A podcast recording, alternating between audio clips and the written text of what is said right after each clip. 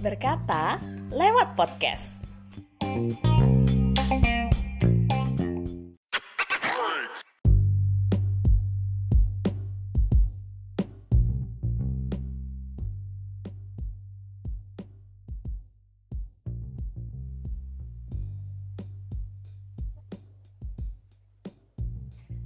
Corona membuat sistem pendidikan menjadi digital, alias banyak guru yang harus menghadapi era digital saat ini. Tidak lupa ada pula guru yang sudah sejak zaman dulu ada, alias guru orde baru, harus beradaptasi di era digital ini. Tantangannya banyak sekali dan pada hari ini beruntung sekali sudah mengundang salah satu guru yang merupakan guru dari zaman orde baru dan berhasil beradaptasi di era digital ini. Kita sambut saja Ibu Niketut Wahyuningsih SPDSD. Halo. Halo pendengar podcast yang budiman. Perkenalkan saya Ibu Niketut Wahyuningsih. Iya, terus nggak nggak ada lanjutannya Bu? Anaknya siapa gitu? Oh, uh, saya sudah bersuami ya, ya pastilah sudah umur setengah abad lebih. Jadi saya mempunyai suami dengan suarte, punya tiga orang putra putri yang saya cintai amat sangat. Anak pertama namanya Anggi, anak kedua Diani, anak ketiga uh, Bayu Arta. Oke, ini ibu, ibu saya sendiri dan juga guru yang hebat banget. Ya guru masa orde baru bisa dikatakan begitu ya bu ya, yang iya. berhasil ke era digital sampai saat ini dan kalahlah kita kita ini setiap minggu selalu update channel YouTube. uh, ah itu hanya untuk mengisi waktu saja di pandemi ini karena semuanya harus eh, bekerja dari rumah work from home istilahnya ya. Jadi ya jadi ya harus belajar mumpung ada waktu dari rumah walaupun hanya sambil handle anak-anak ya untuk mengarahkan anak-anak bagaimana belajar di rumah apa yang harus dikerjakan supaya mereka juga tidak banyak bermain kan pendidikan harus tetap jalan walaupun dari jarak jauh. Jadi sekalian sambil membuat pembelajaran untuk anak-anak yang belajar dari rumah, jadi uh, saya juga buat pembelajaran untuk anak-anak se-Indonesia. Ya, hitung-hitung saya ingin berbagi lah walaupun hanya secuil yang saya mampu, itu pun masih dalam proses belajar. Saya belajar dengan anak-anak yang milenial ya seperti anak-anak saya misalnya, teman-teman saya yang lebih muda. Jadi saya tidak malu untuk bertanya ya demi untuk memberikan contoh kepada anak-anak sekarang. Seperti itu. Wah, jawabannya sangatlah bagus sekali ya emang namanya ibu guru ya selalu bagus jawabannya. Tapi flashback dulu ini. Kita flashback yeah. dulu ya bu ya. Sejak yeah. kapan tepatnya tahun ibu jadi guru sehingga bisa dikatakan sebagai guru orde baru Oke, okay. uh, eh, saya tamat uh, eh, SPG negeri ya di daerah terpencil lah anggap di Pulau Bali. Jadi saya tamat tahun 89 itu saya tamatnya angkatan terakhir untuk penerimaan SPG untuk uh, sekolah anak-anak SD. Uh, jadi uh, saya tamat di SPG tahun 89, kemudian uh, tidak melanjutkan, ingin melanjutkan sebenarnya sekolah, tapi karena keadaan perekonomian dan saya keluarga saya banyak, saudara saya banyak ya di Bali biasanya anak perempuan kan di nomor sekian kan lah gitu.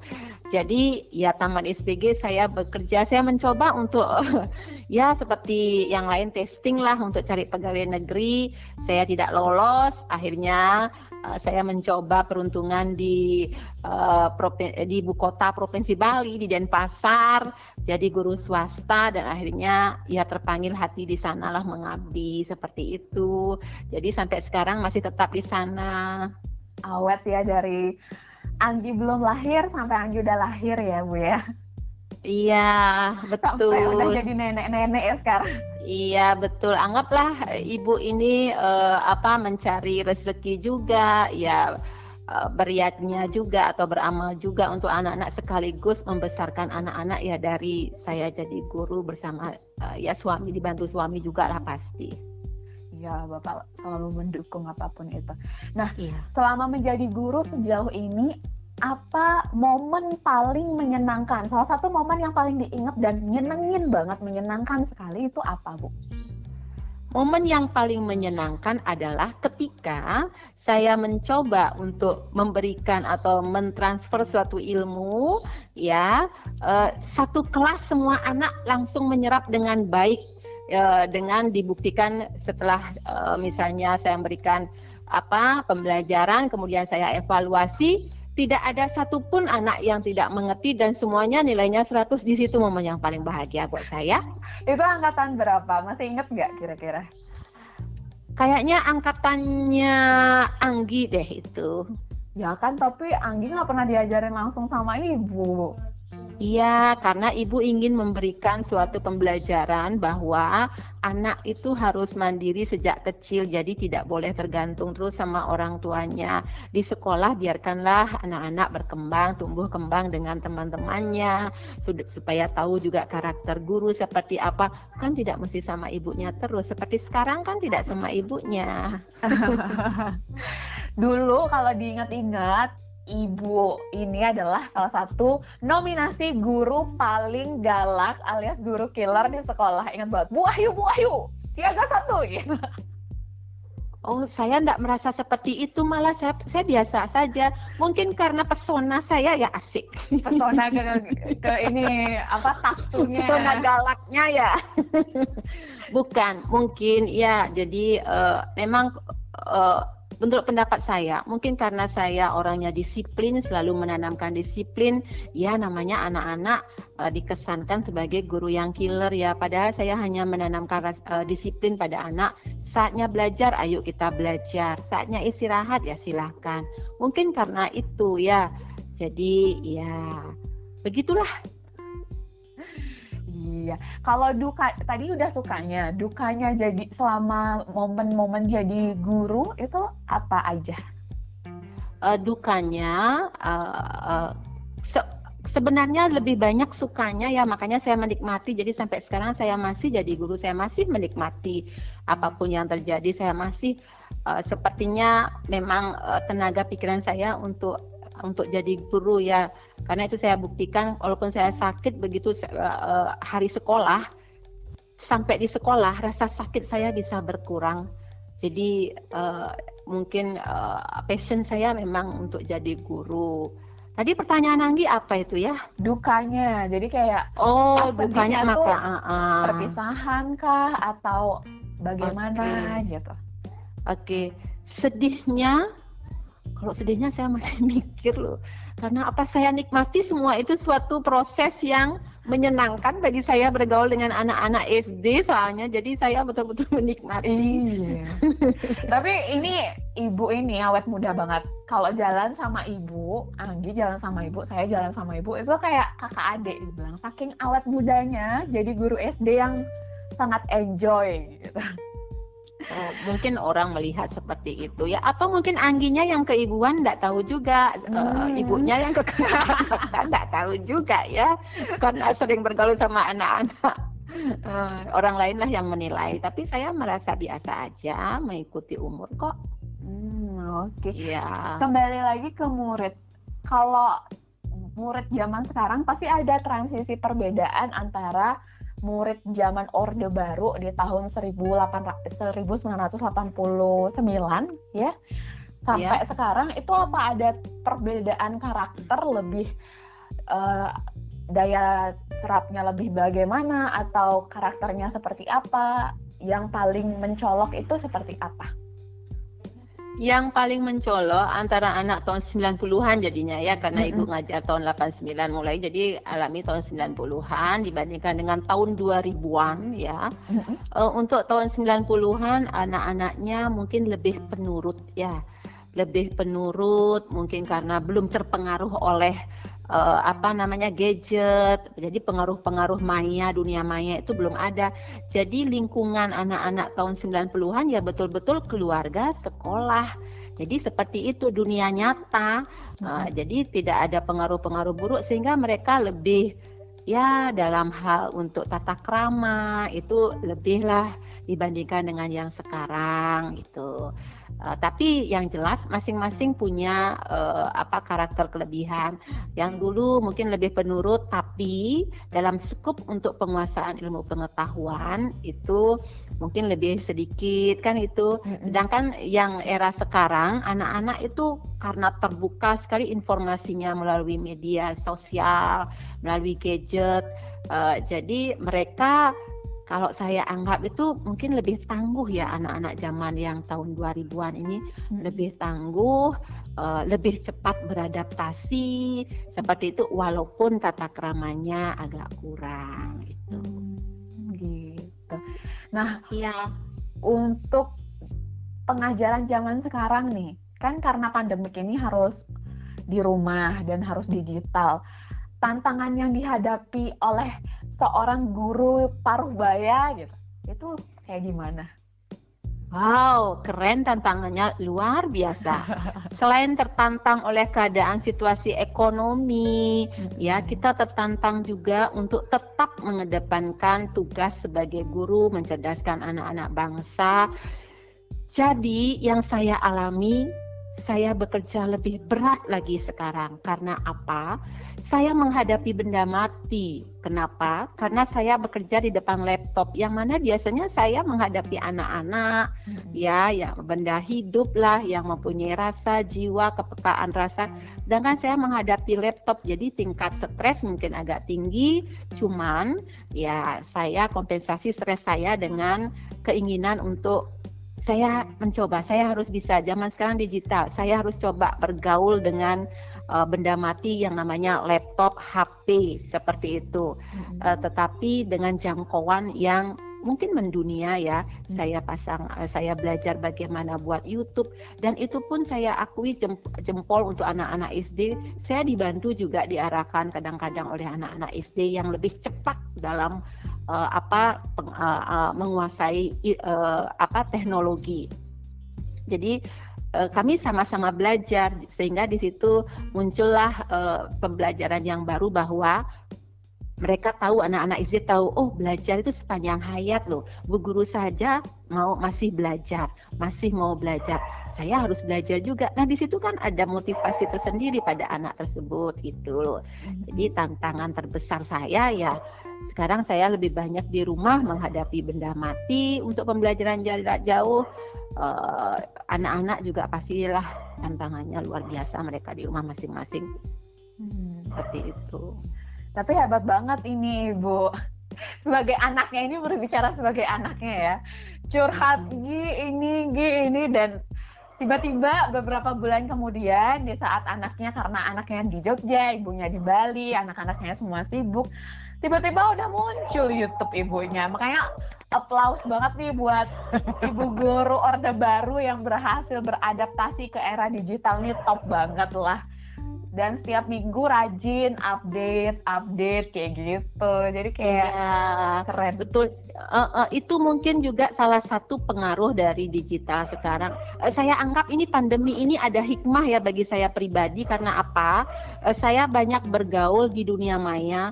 Jadi saya ikut uh, komunitas guru-guru se Indonesia hmm. jadi guru-guru youtuber. Jadi ada ada grup uh, kami punya komunitas guru YouTube uh, YouTube apa GYI namanya Guru YouTube Indonesia, YouTuber Indonesia. Jadi di situ kami saling berbagi, saling mengisi, saling memberi seperti itu. Saya banyak belajar dari sana. Saya melihat ya istilahnya ATM orang bilang ya mm-hmm. amati, teliti, modifikasi itu yang saya lakukan sehingga saya termotivasi walaupun sampai jam kadang-kadang sampai jam 12 malam saya coba terus saya coba terus uh, sambil belajar di YouTube juga. Pokoknya ada hikmahnya lah semua ini. Saya tidak ingin menyerah dengan situasi. Uh, saya harus buktikan kepada anak didik saya terutama dan kepada anak saya juga di rumah uh, bahwa uh, apa pun situasi apa pun itu pasti ada hikmahnya. Situasi apa pun itu kalau kita berusaha pasti bisa. Itu yang saya ingin tanamkan. Hmm, iya. Berarti Ibu dengar ya podcast yang kemarin yang ATM? Uh, eh, ATM sepertinya sekarang sudah zamannya ATM orang-orang banyak saya dengar di dunia maya tentang ATM amati teliti dan modifikasi. Seperti itu. Karena kan sekarang pengaruhnya banyak gitu loh. Hmm. artinya kita harus pintar-pintar lah uh, menyaring atau memilah-milih mana yang uh, kita lakukan mana yang tidak. Seperti itu hal yang paling sulit selama beradaptasi ini untuk dilakukan? Apakah saat mulai bikin video YouTube atau mulai login Zoom-nya atau mulai login Google Class-nya? Hal yang paling tersulit gitu. Itu kira-kira apa, Bu? Hal yang paling tersulit adalah membuat pembelajaran melalui media, media YouTube yang mana uh, kita harus mengetahui uh, istilahnya uh, batasan materi yang yang yang harus diketahui oleh anak seusia ini sebatas apa supaya tidak melebar materinya sampai ke mana-mana. Itu harus saya pikirkan dengan baik. Kemudian tekniknya seperti apa supaya transfer ilmunya mudah diserap. Sebenarnya sih sekarang kan bukan harus transfer ilmu ya. Anak-anak kan harus ditekankan pada bagaimana pendidikan dari nyata sebenarnya uh, ke dunia abstrak jadi saya mencoba untuk memberikan beberapa uh, apa contoh-contoh nyata. Itu yang sulit sebenarnya. Saya harus cari apa benda yang sebenarnya. Saya harus kotak katik uh, laptopnya juga. Saya harus foto sana sini juga untuk memberikan uh, pemahaman secara nyata kepada anak-anak walaupun mereka di rumah di dalam rumah masing-masing. Itu seperti itu loh oh begitu.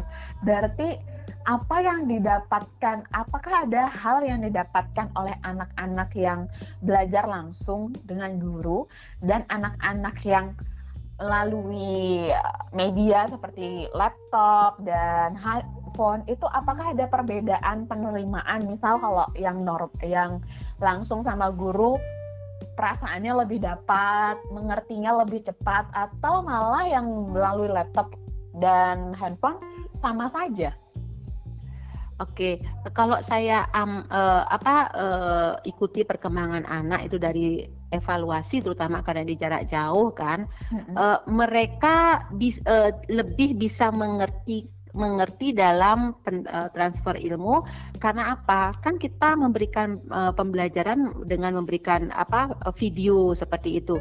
Kan mereka di rumah bisa mengulang-ulang kembali, mengulang-ulang kembali. Nah, seperti itu. Uh, cuman ya. Cuman bagi anak tersebut mereka tidak mendapatkan sentuhan sentuhan rasa uh, sehingga dalam perubahan karakter itu agak sulit.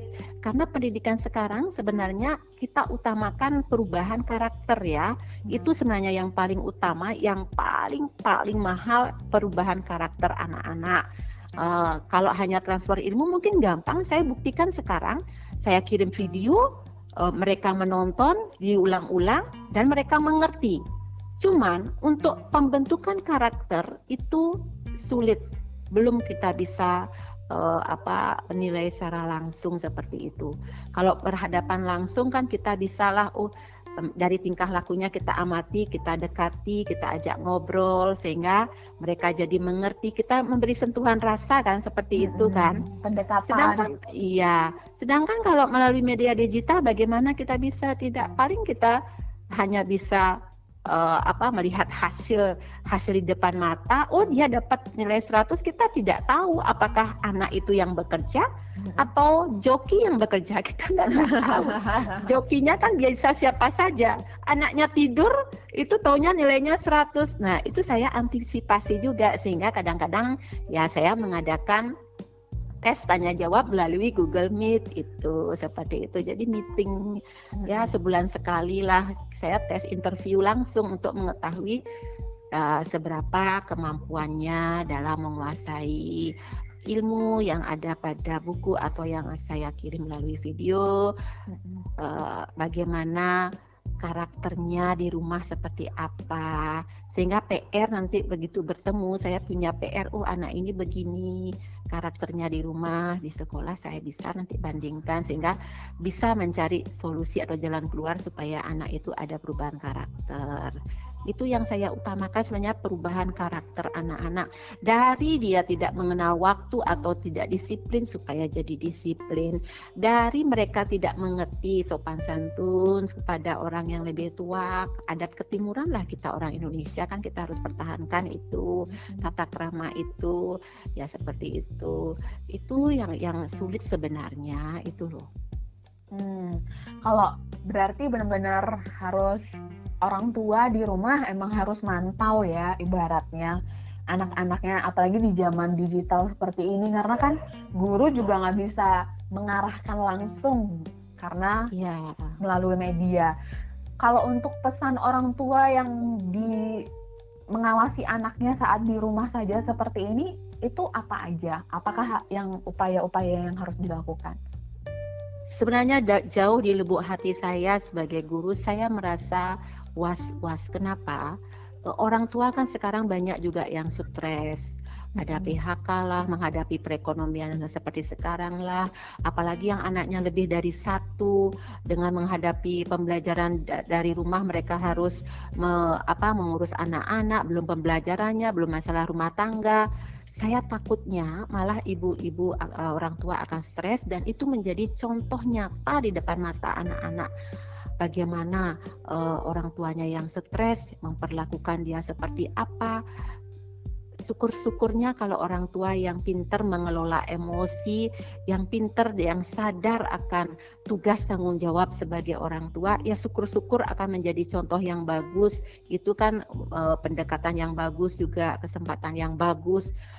Tapi kita sebagai manusia kadang lepas kontrol, apalagi yang misalnya stres itu kan tidak akan terkontrol, tidak akan melihat, tidak akan mendengar, dan anak itu akan meniru apa yang kita lakukan itu bahayanya loh itu hmm. yang saya takutkan jadi betul-betul uh, kadang saya ya melalui uh, sekolah apa kelas jarak jauh ini biasa kan saya untuk menanamkan disiplin saya pagi membuka voice hmm. uh, saya kirim voice untuk uh, apa absensi dan itu pun saya pakai password sehari-hari untuk mencegah mereka merekam suara yang sama jadi saya pakai password setiap hari ada passwordnya saya beri waktu sampai jam 8 mengapa saya berlakukan itu untuk melatih mereka disiplin walaupun di rumah jadi Uh, itu sebagai contoh untuk melatih disiplin. Tapi nyatanya apa? Ada yang tidak uh, voice, ada yang tidak melaksanakan tugas. Kemudian saya telepon anak tersebut, ternyata apa? Anak itu disuruh membantu orang tuanya di rumah. Betapa mirisnya, yang itu yang saya takutkan. Jadi anak sekecil itu dia harus mengurus ikut membantu orang tua, banting tulang, ya, me, apa meninggalkan uh, tugasnya sebagai siswa. Itu sebagai contoh yang saya alami. Saya merasa aduh sayang sekali, sayang sekali. Tapi saya salut ada beberapa orang tua yang meluangkan waktu untuk menemani uh, anaknya itu luar biasa. Saya aplaus untuk orang tua seperti itu. Sebenarnya orang tua yang begitu ya, uh, yang diidamkan oleh anak-anak. Cuman ya kita kan mengerti keadaan situasi ekonomi sekarang ya, mm-hmm. apalagi yang anaknya banyak itu loh, itu yang saya masalahkan ya.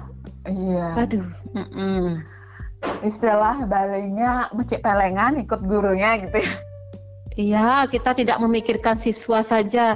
Gurunya sekarang tantangannya maha dahsyat, belum menghadapi eh, tantangan di rumah sendiri sebagai ibu rumah tangga, sebagai istri, sebagai mamanya anak-anak, belum lagi menghadapi tugas-tugas untuk pembelajaran secara online, belum lagi menghadapi uh, komplain dari orang tua. Mudah-mudahan sih orang tua, kebetulan sih murid saya orang tuanya tidak ada yang komplain ya karena saya betul-betul jaga ketat itu untuk disiplinnya, pembelajarannya. Malah orang tua berterima kasih mereka secara pribadi melalui Japri mengucapkan terima kasih karena sudah uh, dibantu untuk disiplin seperti itu. Momen ya. kalau tadi momen sama muridnya, ada nggak momen yang di, paling diingat sama orang tua murid untuk ibu sendiri? Oh, oh momen yang paling ini untuk apa? Paling untuk, diingat. paling, paling bikin diingat. terharu gitu di masa digital ini karena kan kayak oh iya banyak banyak itu orang tua malah yang ada sengaja telepon aduh bu ibu seperti seperti saya anggap ibu saya sendiri saya sudah dibantu ini anak-anak. Jadinya dia pagi-pagi bangun dia harus harus kirim apa absensi suara katanya tugas-tugas harus dikerjakan. Jadi walaupun di rumah mereka disiplin katanya jadi uh, mereka berterima kasih gitu. Uh, ya seperti itulah mereka kita saling support istilahnya ya orang tua terkesan juga terkesan juga dengan metode pembelajaran jarak jauh. Uh, bukannya saya sombong ya jadi dianggap wah Bu Wahyu kreatif jadi anak saya tetap belajar di rumah seperti itu. Hmm, tapi emang ibu ini total banget. Sebagai anaknya ini berbicara lagi sebagai anaknya. Kalau ibu pulang bukannya bukannya gimana gimana ya habis ngurusin kami anak-anaknya habis itu malam-malam atau tidak bangun pagi-pagi apa menyiapkan materi untuk muridnya di sekolah. Makanya dulu pengen banget diajarin sama ibu di kelas tapi nggak kedapetan. Kenapa saya lakukan itu sebagai guru tahu anakku sayang? Kenapa nih? Karena ibu anggap mengajar menjadi guru adalah bagian dari yatnya bagian dari ibadah. Itu prinsip saya jadi speechless ini bingung mau ngomong apa ini Iya, jadi orang ber, beribadah itu kan tidak mesti harus berdoa saja. Selain berdoa, ayo kita berbuat baik, ayo kita berbagi ilmu, ayo kita berbagi uh, pengetahuan, berbagi rasa, menularkan hal-hal yang positif. Jadi karena kebetulan saya tugasnya, ya saya anggap sebagai tugas lah dari Tuhan untuk mendidik anak-anak SD anak-anak SD itu betul-betul mereka. Betul-betul untuk menuju ke depannya saya harus betul-betul hati-hati supaya mereka ke depannya tangguh. Ya seperti Anggi anakku ini. Ah, harus tangguh aja. menghadapi situasi apa pun iya. Ya mudah-mudahan ya lancar semuanya sesuai dengan cita-cita. Jadi mengajar itu walaupun itu anak orang lain saya anggap anak sendiri saya anggap anak sendiri. Jadi saya ingin mereka menjadi lebih baik lagi, lebih baik lagi dari tidak bisa supaya jadi bisa, dari tidak mampu supaya jadi mampu. Itu kebanggaan saya. Oh, begitu. Sekarang um, kita masuk ke kuis jawab cepat. Gimana, Bu? Mau nggak? Siap. Ya, peraturannya adalah memilih. Iya, kalau kalau pilihannya tidak sesuai ditambahin sendiri boleh kan? Enggak, ini harus memilih. ya, harus memilih. Oke, okay. Jaw uh, jawaban lagi. Kuis nomor satu. Pilih anak murid yang biasa-biasa aja, tapi mau belajar atau anak yang cerdas, super cerdas, tapi agak sombong sudah pastilah jawabannya yang pertama pilihannya Anggi sedang-sedang saja kenapa kan kalau yang cerdas kan bagus kan Oke. Okay. Kalau yang cerdas, kalau yang cerdas kita umpamakan segelas uh, segelas air. Hmm. Kalau anak yang cerdas itu uh, gelasnya sudah penuh. Jadi uh, sedangkan anak yang sedang-sedang saja itu gelasnya belum penuh. Jadi untuk mengisi sesuatu atau untuk memberikan suatu uh, apa pembentukan karakter itu lebih mudah dibandingkan dengan yang cerdas yang sudah penuh kita berikan sesuatu itu melimpah nanti malah akan menjadi berkurang. Iya, seperti itu. Karena mereka kan sudah merasa cerdas, sudah merasa bisa. Terkadang namanya anak-anak muncul egonya sehingga apa yang kita berikan uh, untuk perubahan karakternya tidak diterima. Itu seperti itu contohnya. Hmm, begitu. Iya. nah ini dua pertanyaan dijawab langsung cepat. Nanti pembahasannya setelah itu ya bu ya. Lagi okay. dua pertanyaan. Oke okay. pilih guru eh, disebut guru killer tapi anak-anak murid ngerti semua atau pilih disebut guru yang baik tapi anak-anak nggak ada yang ngerti? Saya lebih rela dijuluki guru killer uh, selanjutnya pilih anak yang disiplin tapi tidak sopan atau pilih anak yang sopan tapi tidak disiplin sopan tapi tidak disiplin Oke, kita bahas yang pertama. Kenapa lebih pilih disebut guru killer? Yang penting anak semua ngerti. Uh, disebut guru killer sehingga uh, begitu ada julukan guru killer, anak itu berarti sudah siap menghadapi apa yang akan diberikan oleh gurunya. Betul. Sedangkan kalau guru yang baik mereka akan lengah oleh kebaikan. Seperti iya itu. Pengalaman jadi siswa begitu sih kalau gurunya killer harus belajar sampai ngejar harus gitu, belajar. harus belajar. Betul. Tapi kalau guru yang baik, udahlah, udahlah gitu deh. Nah, iya. selanjutnya adalah kenapa lebih memilih yang sopan tapi tidak disiplin? Disiplin bisa kita latih, sedangkan anak yang sopan itu merupakan bagian karakter, bagian soft, ya keterampilan yang halus, budi pekerti yang halus, itu lebih mahal. Untuk disiplin kita bisa latih. Oh, begitu. Jadi kayak kalau disiplin masih bisa ditoleransi, tapi kalau sopan santun itu nomor satu berarti ya Bu? Betul, iya. Oh, oh. Karena secara naluri uh, anak itu secara naluri itu secara hati itu sudah sudah ada sopannya gitu loh sehingga untuk mendisiplinkan mudah sekali. Oh, iya sih. Pesan untuk para guru yang sedang berjuang. Para guru Orde Baru nih yang aduh harus move on, harus move on. Berikan semangat untuk para guru baru ini. Guru Orde, Baru. Ya. Oke. Okay. Uh, eh, untuk teman-teman di mana pun berada yang seangkatan saya yang sudah berumur setengah abad ya apalagi setengah abad lebih jangan khawatir ya jangan takut ya kita kita jalani semua kita berproses semua memang awalnya kita merasa uh, tertekan luar biasa dengan perubahan kondisi ya dari zaman uh, apa menuju ke zaman digital ini tapi ingatlah semua ada hikmahnya, kita belajar. Asal satu aja, jangan malu bertanya.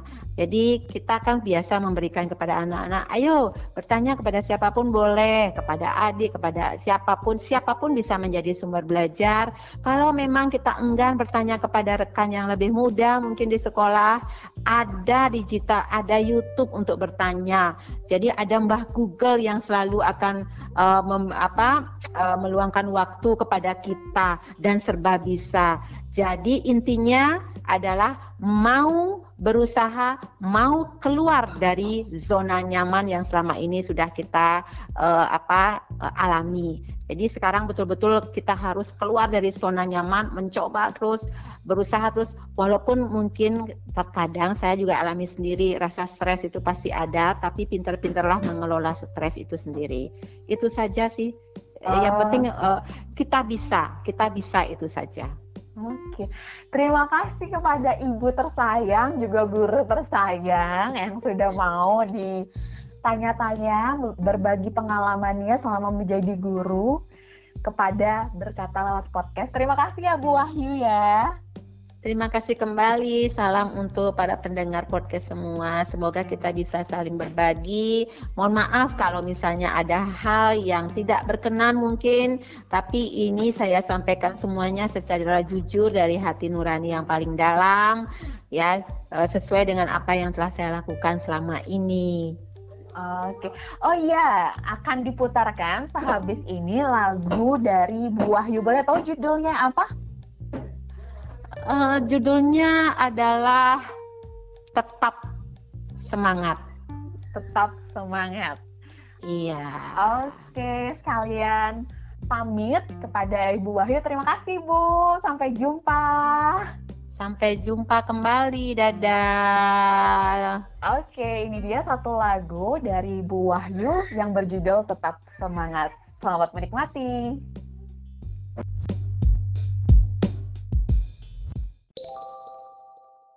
Satu lagu yang diciptakan dan dinyanyikan oleh Niketut Wahyuningsih dan diaransemen oleh Adi Umbara, ini dia lagu Tetap Semangat. Waktu cepat berlalu, tiba tahun pelajaran baru.